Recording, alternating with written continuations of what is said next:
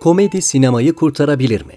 Aybala Hilal Yüksel Sinema salonlarının %30'undan fazlasına sahip olan Mars grubunun dağıtımda da pazar payının %40'tan fazlasını ele alması ve bu rakamların istikrarlı olarak artmaya devam etmesi endişe yaratıyordu. Özellikle bu durumda en büyük mağduriyetleri yaşayan bağımsız sinemanın temsilcileri itirazlarını her zaman dile getirdi salonlardaki tekelleşmenin tek tipleşmeye götüreceği, ana akımın dışında kalan filmlerin salon bulmasının çok zorlaştığı ve giderek zorlaşacağı yıllardır konuşuluyor. Hatta 2016 tarihli kapalı gişe belgeseli dağıtım koşullarının sektörü soktuğu çıkmazı daha o zaman net biçimde anlatıyordu.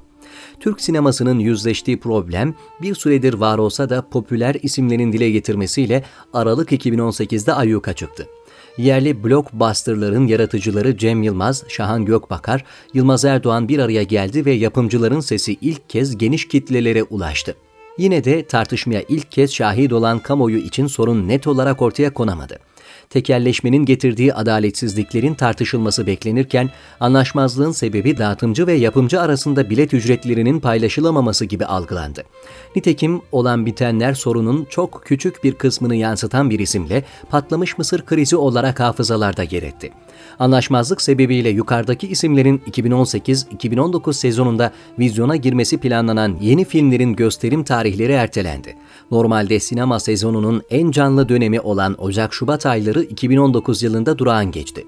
Yılmaz Erdoğan'ın son filmi Organize İşler Sazan Sarmalı, dağıtımcılar ve yapımcılar şeffaf olmayan süreçlerin sonunda anlaşmaya varınca 1 Şubat'ta vizyona girdi.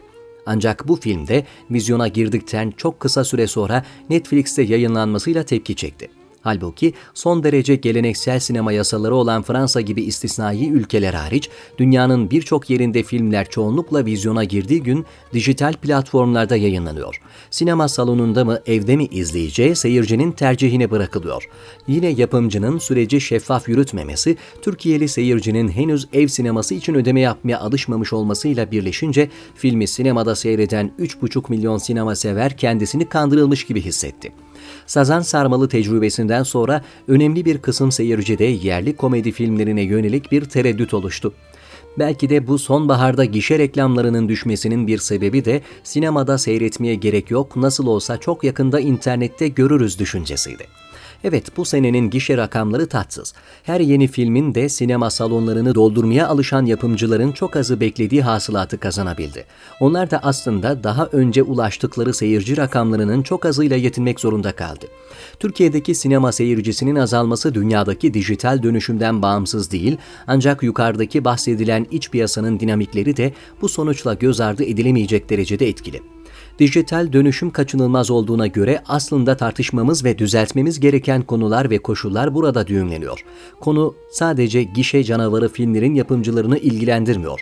Çünkü bilet satışlarının herkes için anlamı var. Kültür ve Turizm Bakanlığı Sinema Genel Müdürlüğü'nün film yapım destekleri sinema biletlerinden yapılan kesintiyle fonlanıyor. Ülkemizin uluslararası festivallerdeki en önemli temsilcisi Nuri Bilge Ceylan da ilk filmini gerçekleştirmek için çabalayan bir bağımsız sinemacı da bu fona başvuruyor seyirci sayılarının her yıl bir öncekinden daha fazla olmasına, bunun da çoğunluğunun yerli komedi filmlerince kazanılmasına alışık olan sektör için bu yılki tablonun ne anlama geleceği henüz muamma. Bugüne kadar sinemamızı hep komedi kurtarmıştı. Ancak görünen o ki komedi bu yıl kendisini bile kurtarmaya yakın değildi. Her yıl milyonlarca seyirciyi sinemaya çeken komedi filmlerinin bu yıl yaşadığı hayal kırıklığını analiz etmek için geçtiğimiz aylarda vizyona giren 3 filme yakından bakabiliriz.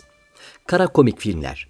Cem Yılmaz, Arif ve 216'yı yaptığında 14 yıl sonra Gora evrenine geri döndüğü ve kendisini tekrar ettiği gerekçesiyle eleştirilmişti.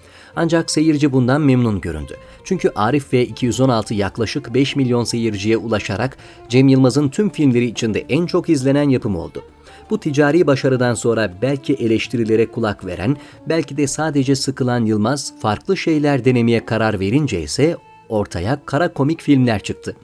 Ancak bu sefer de sürekli kendisini yenilemesi istenilen Yılmaz'ın yaptığı yenilik seyircinin hoşuna gitmedi.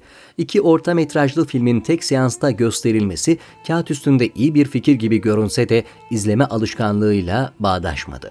Üstelik yarı sürede geçtiği için daha dinamik olması beklenen filmlerin ritimleri de tutarlı değildi. Nitekim ilk kez bir Cem Yılmaz filmi 1 milyon seyirciye ulaşamadan vizyondan kalktı.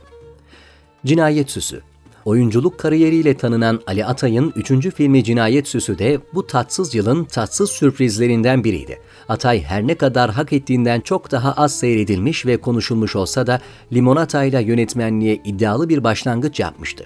İkinci filmi Ölümlü Dünya'da ise ciddi bir gişe rakamına ulaşmasa da kendine has bir seyirci kitlesi edindi. Atay oyunculuktan gelen bir yönetmen olarak oyuncuların filme doğaçlama katkılarına alan açıyor birlikte çalıştığı oyuncuları özgür bırakıyordu. Ölümlü Dünya'da büyük oranda işe yarayan ve komediyi besleyen bu strateji cinayet süsünde çalışmadı. Çok iyi komedi oyuncularından kurulan kadroya rağmen film hayal kırıklığı yarattı. Her şeye rağmen Cinayet Süsü gişede bugün itibariyle kara komik filmlerden daha fazla izleyiciye ulaşmayı başardı. Recep İvedik aldı. Şahan Gökbakar'ın en çok sevilen ve en çok nefret edilen karakteri Recep İvedik'in yeni macerası Kasım ayında piyasaya çıktı. Serinin 6. filmi Konya'ya gitmek isterken yanlışlıkla Kenya'ya giden Recep'in maceralarını anlatıyor. İyi tanıdığımız karakteri yine türlü absürt durumların içine sokuyor. Gökbakar diğer yapımcıların aksine hemen hiç risk almıyor, yenilik aramıyor. Lafını hiç sakınmadığı, kaybedecek bir şey olmadığı için özdeşleşmesi çok kolay olan Recep de yaşadığı macerada her zamankinden farksız. Nitekim bu yıl vizyona giren komedi filmleri içerisinde gişeden en sağlam çıkan da Recep İvedik 6. Henüz ilk hafta sonunda 1 milyon seyirciye ulaşan film rakipleriyle kıyaslandığında iyi bir hasılat kazanıyor. Ancak yine de Şahan Gökbakar tarafından serinin önceki filmleriyle kırılan seyirci rekorlarına ulaşılabilmesi söz konusu görünmüyor.